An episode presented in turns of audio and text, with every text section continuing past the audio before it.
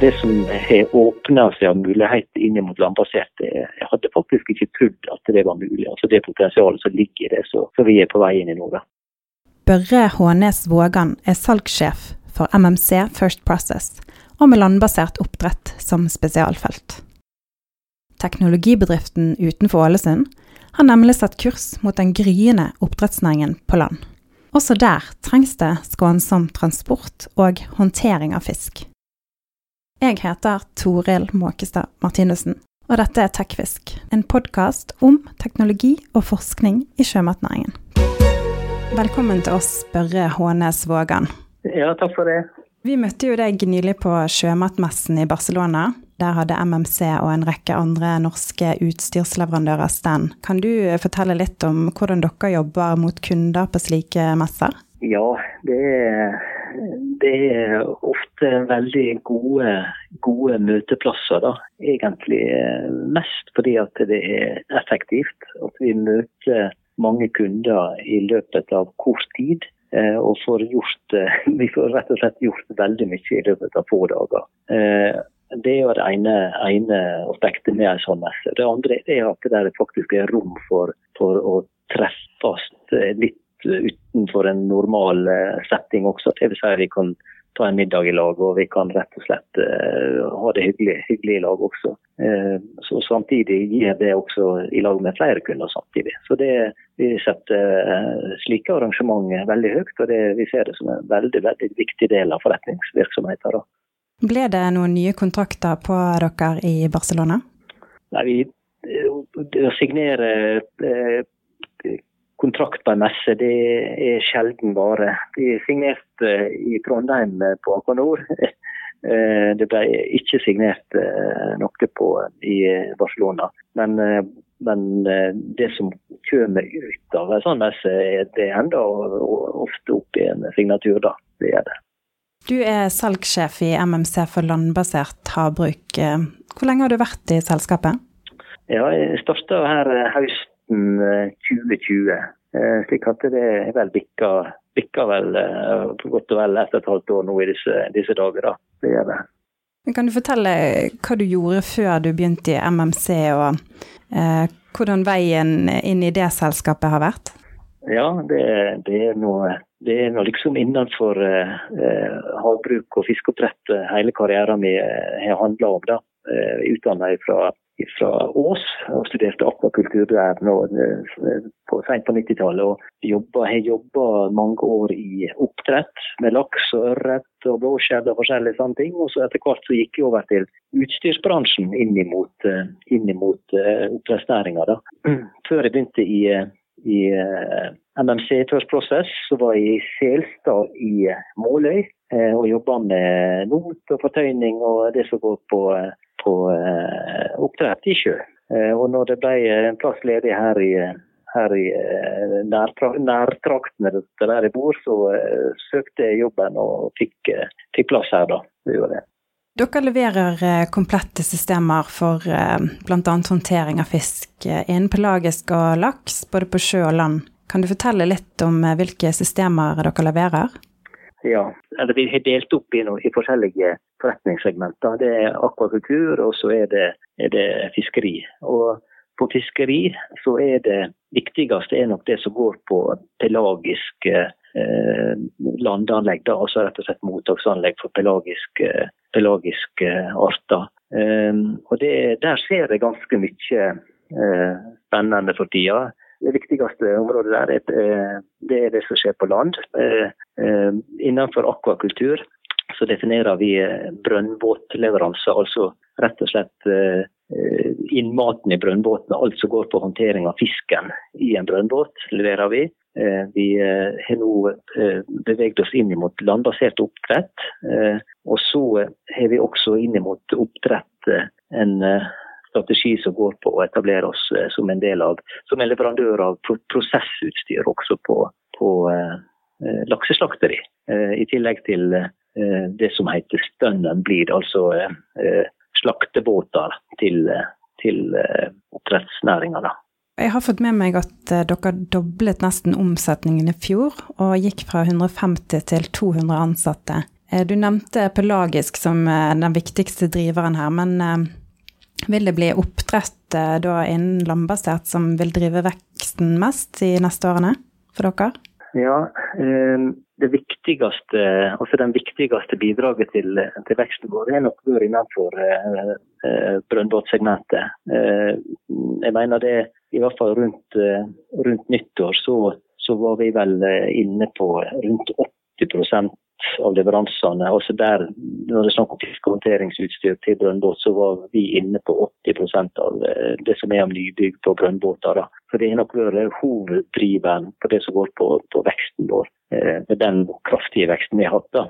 Eh, og så, eh, så er det andre segment nå som begynner virkelig å, og røre på seg under. Og kanskje, kanskje landbasert oppdrett er da nummer to da, som, som kommer under, i tillegg til de andre, andre segmentene. Atlantic Sapphire må jo nevnes som en av de store kundene deres. Hvilke ja. prosjekter innen landbasert jobber dere med nå, som du kan nevne? Ja, Du nevner eh, Atlantic Sapphire. Det, det håper vi kan, vi kan snakke mer om det også. da. Eh, det er jo en, en stor kunde og et veldig eh, et, et kundeforhold med, med lang, med lang historie. I tillegg så jobber vi tett opp imot Salmon Evolution. Vi har vært med på byggetrinn A i Salmon Evolution og er nå på vei inn i byggetrinn B hvis alt går som vi håper. Eh, og eh, I tillegg til det så er vi også inne på eh, noe som heter Kingfish i Nederland. Det er en slags yellowtail tuna. Det er en liten tunfiskart som blir oppdrettet på land i ja, bl.a. i Nederland, da, hos, hos Kingfish. Der er vi inne som leverandør av fiskehåndteringssystem. Vi jobber med et par prosjekt i Japan, og vi jobber veldig tett opp imot jeg tror jeg må si noen av de andre prosjektene som er under oppseiling. da.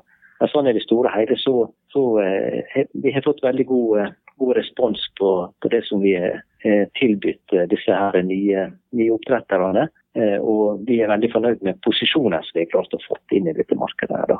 Eh, og jeg, sånn eh, personlig, da, så altså jeg kom jo som sagt ifra, ifra en næring som leverer til til sjøbasert oppdrett. Og, og det som har åpna seg av mulighet inn mot landbasert, jeg hadde faktisk ikke trodd at det var mulig. Altså det potensialet som ligger i det, så, vi er på vei inn i noe. Men hvordan skiller MMC seg fra konkurrentene i markedet? Ja, eh, vi, vi, prøver jo selvfølgelig å være best, vi som, som alle andre. Men det som jeg tror er viktigst, da, det er det at uh, dette er jo en, stor og, og veksende næring. Så, så uh, her er jo plass til alle. Jeg tror vi skiller oss ut slik som vi opererer nå. At, at vi, har vært, uh, vi, har vært, veldig flinke på det som har skjedd på, på brønnbåt. og det som vi tilbyr inn mot landbasert oppdrett nå, er rett og slett en teknologioverføring fra brønnbåt til land. Det vil si at det, vi, det er veldig lite lite av den teknologien som vi tar i bruk på landbasert, som er ny. Den skal tilpasses litt, men, men i det store og hele så er det, er det eh, ferdigutvikla og aksepterte løsninger som nå blir tatt eh, på land. Da. Det er det. Ja, og håndtering av fisk, eh, det er vel en delikat operasjon. Eh, jeg vil tro det innebærer silkehansker? Det kan du absolutt si.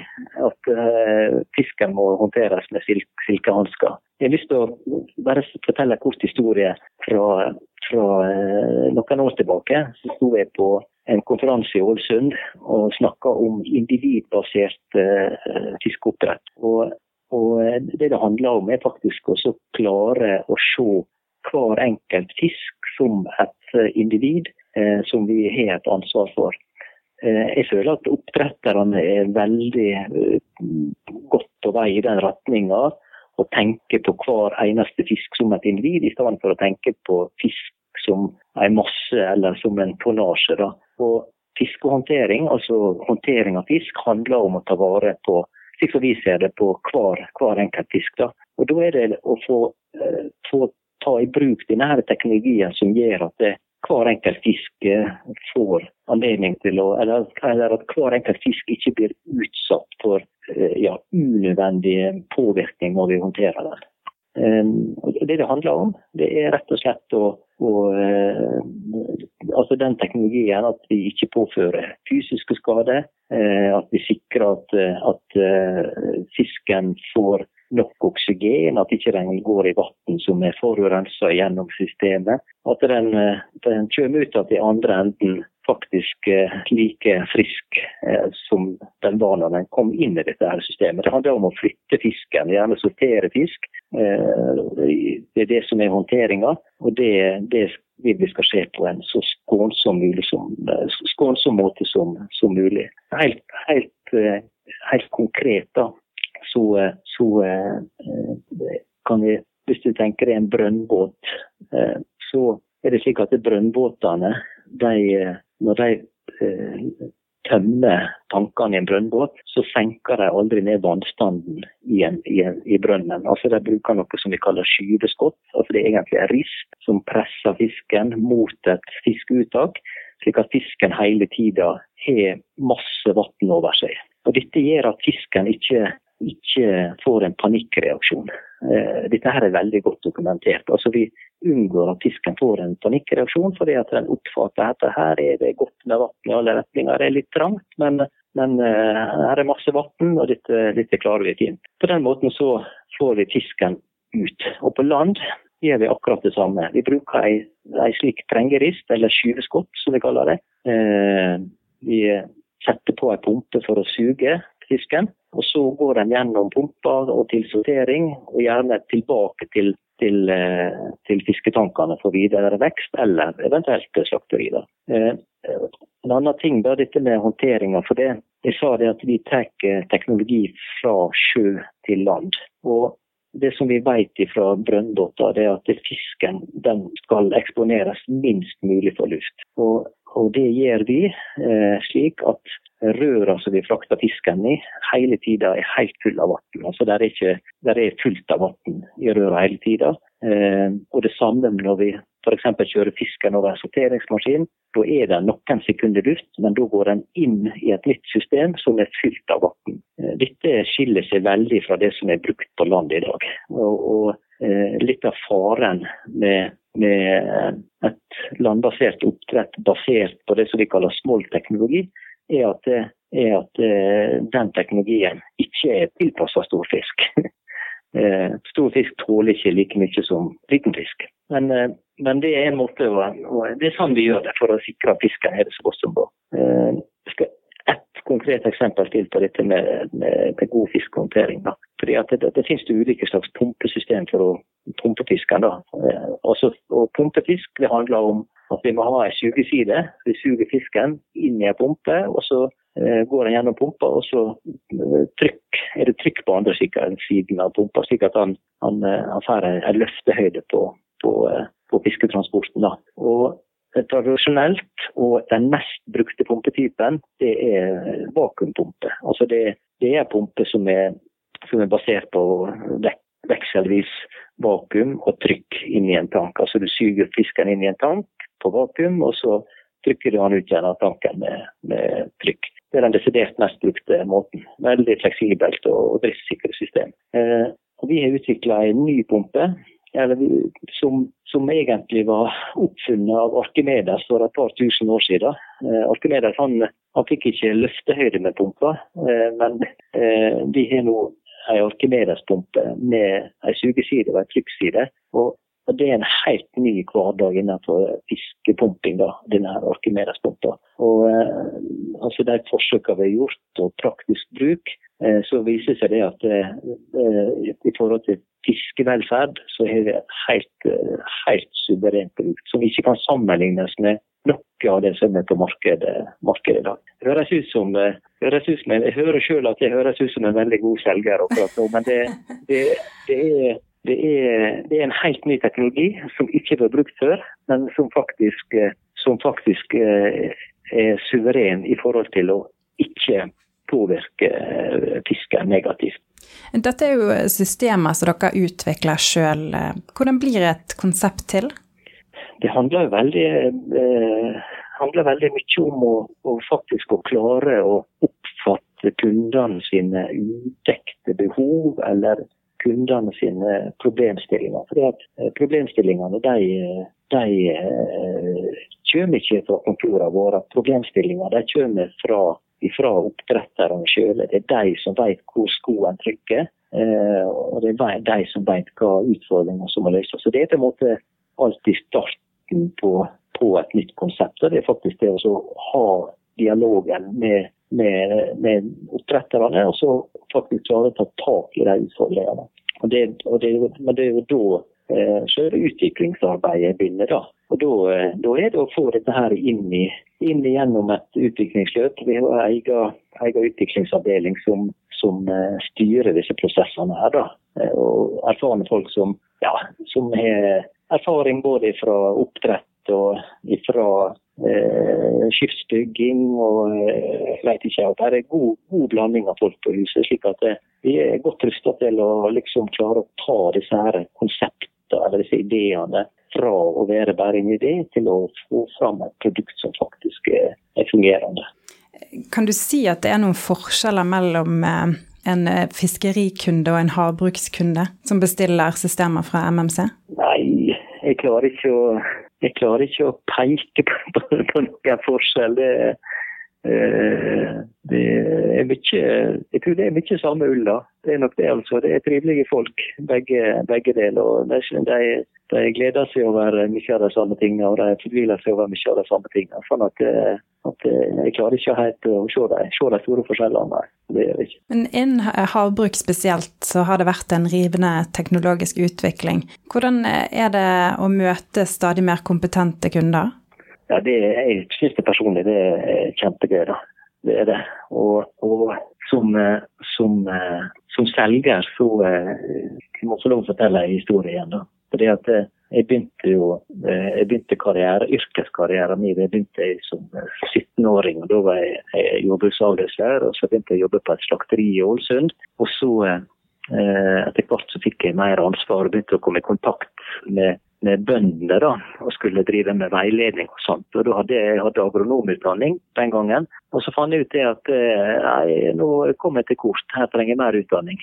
og da, da eh, tok jeg, tok universitetsutdanning etter det, da, men så havna jeg opp i, opp i, i akvakulturnæringa til slutt. da. Men, men, poenget mitt var det at eh, dette her med eh, eh faglig styrke, jeg gjerne Praktisk erfaring er jo kjempeviktig, men også å ha denne evnen til å tenke kritisk og faktisk ikke ta for god fisk, bokstavelig talt, alt som blir sagt. Eh, det er kjempeviktig. Og det, det merker jeg at, eh, at kundene mer, blir mer og mer eh, krever mer og mer. Dette skal dokumenteres. Det, hvorfor er det slik? Eh, hva konsekvenser kan det ha? Eh, for det er liksom ikke bare å, å Vi kan ikke bare si lenger at her er vi en fantastisk pumpe. Den, den eh, pumper akkurat det du trenger. Det er ikke nok. Altså vi må, vi må rett og slett dokumentere hva vi legger i det. Og Da handler det om, om å kjøre sensorfisker gjennom pumpene, også måle, måle G-krefter, måle oksygennivå. Eh, det handler om å, å, prøve å søke om å få kjøre med levende fisk og ta blodprøver og kortisolnivå og pH i muskel på fisken. Så det, er, det er veldig avansert, avansert dokumentasjon som kundene krever for at vi skal få aksept på disse produktene våre. Hvilke utfordringer ser dere innen landbasert eh, i produksjonen ut ifra MMC sitt ståsted? Ja, det jeg nevnte det at jeg eh, har bakgrunn fra, et universitet, og det er den som nå heter for uh, Universitetet for miljø og biovitenskap på Ås. Jeg har faktisk undervist der nede et par, et par år også. Det var, i 2017-2018, mener jeg. Det er noen år siden. Men, eh, så vi har veldig god, jeg har faktisk veldig dialog, vi har god dialog med miljøet der nede. Og diskutert en god del med en professor som heter Odd Ivar Lekang. og Han er nok en av nestorene innenfor norsk eh, akvakulturteknologi.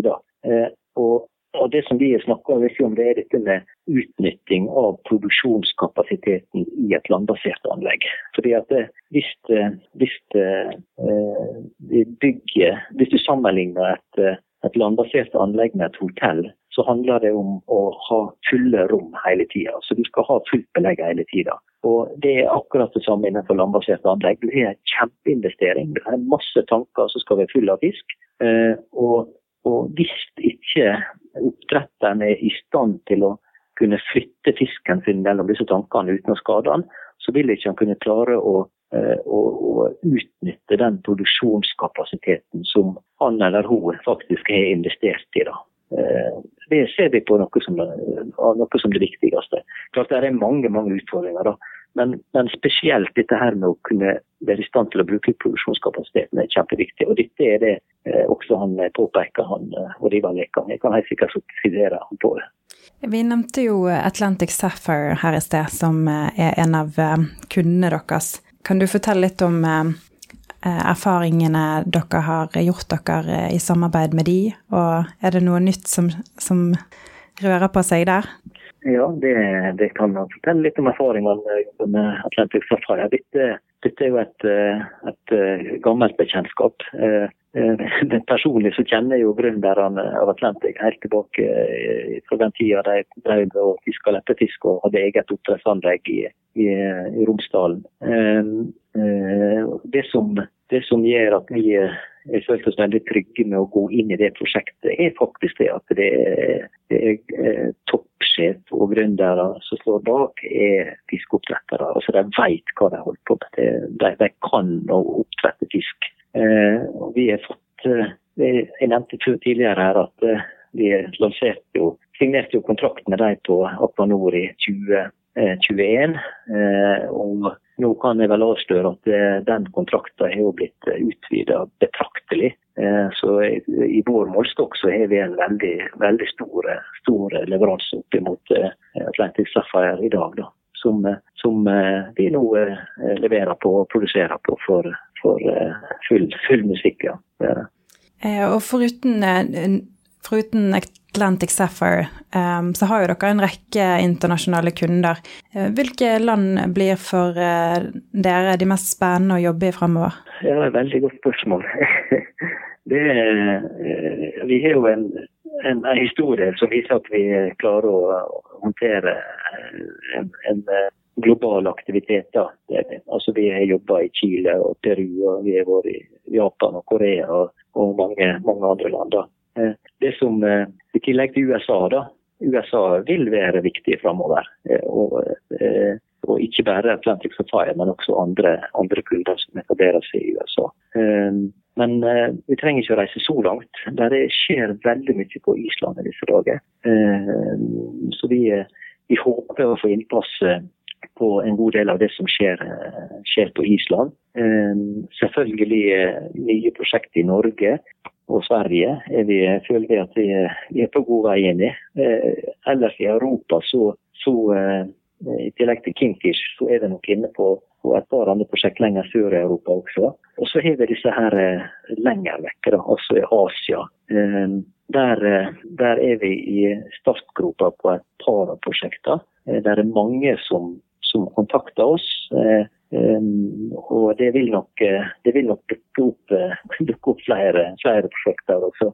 Men sånn på, på, kort sikt så er det nok eh, det som skjer i Norge, det som skjer i Miami, og mye av det som skjer på Island, jeg tror kanskje blir viktigst for oss. da. Jobber dere noe mot Øst-Europa? Um, har dere merket noen effekter av krigen i Ukraina i forhold til sanksjoner? Uh, nei, Det vi merka egentlig mest på, altså det første vi merka når krigen brøt løs, det var faktisk vi, vi produserer en god del i, i, i Litauen, uh, der det også er Ukraina, altså arbeidere fra Ukraina. Og, og det vi merka da, var jo det at her var det snakk om å få berge, berge familiene. slik at vi har nok bidratt til at de, selv om dette her er en bedrift som, som vi ikke eier, og, og for så vidt ikke er noe ansvar for, så har vi bidratt slik at i hvert fall at de eh, arbeiderne på det anlegget der vi har leieproduksjon, at de har fått, uh, fått familiene sine til, til Litauen fra Ukraina. Men det er klart vi merker det alvorlig på, på uh, tilgangen på råmateriale. Det gjør vi. Altså, og priser på, på, stål og alt av materiale som vi bruker. Det, det gjør vi. Vi hadde, vi hadde ikke noe noe nevneverdig aktivitet i Russland når dette her oppsto når krigen starta i, Ukraina. slik at det, akkurat det er ikke, det er ikke, det er ikke vi merka noe til. da. Og så kommer jeg jo til å tenke på at dere har jo òg vært innen hvitfisk.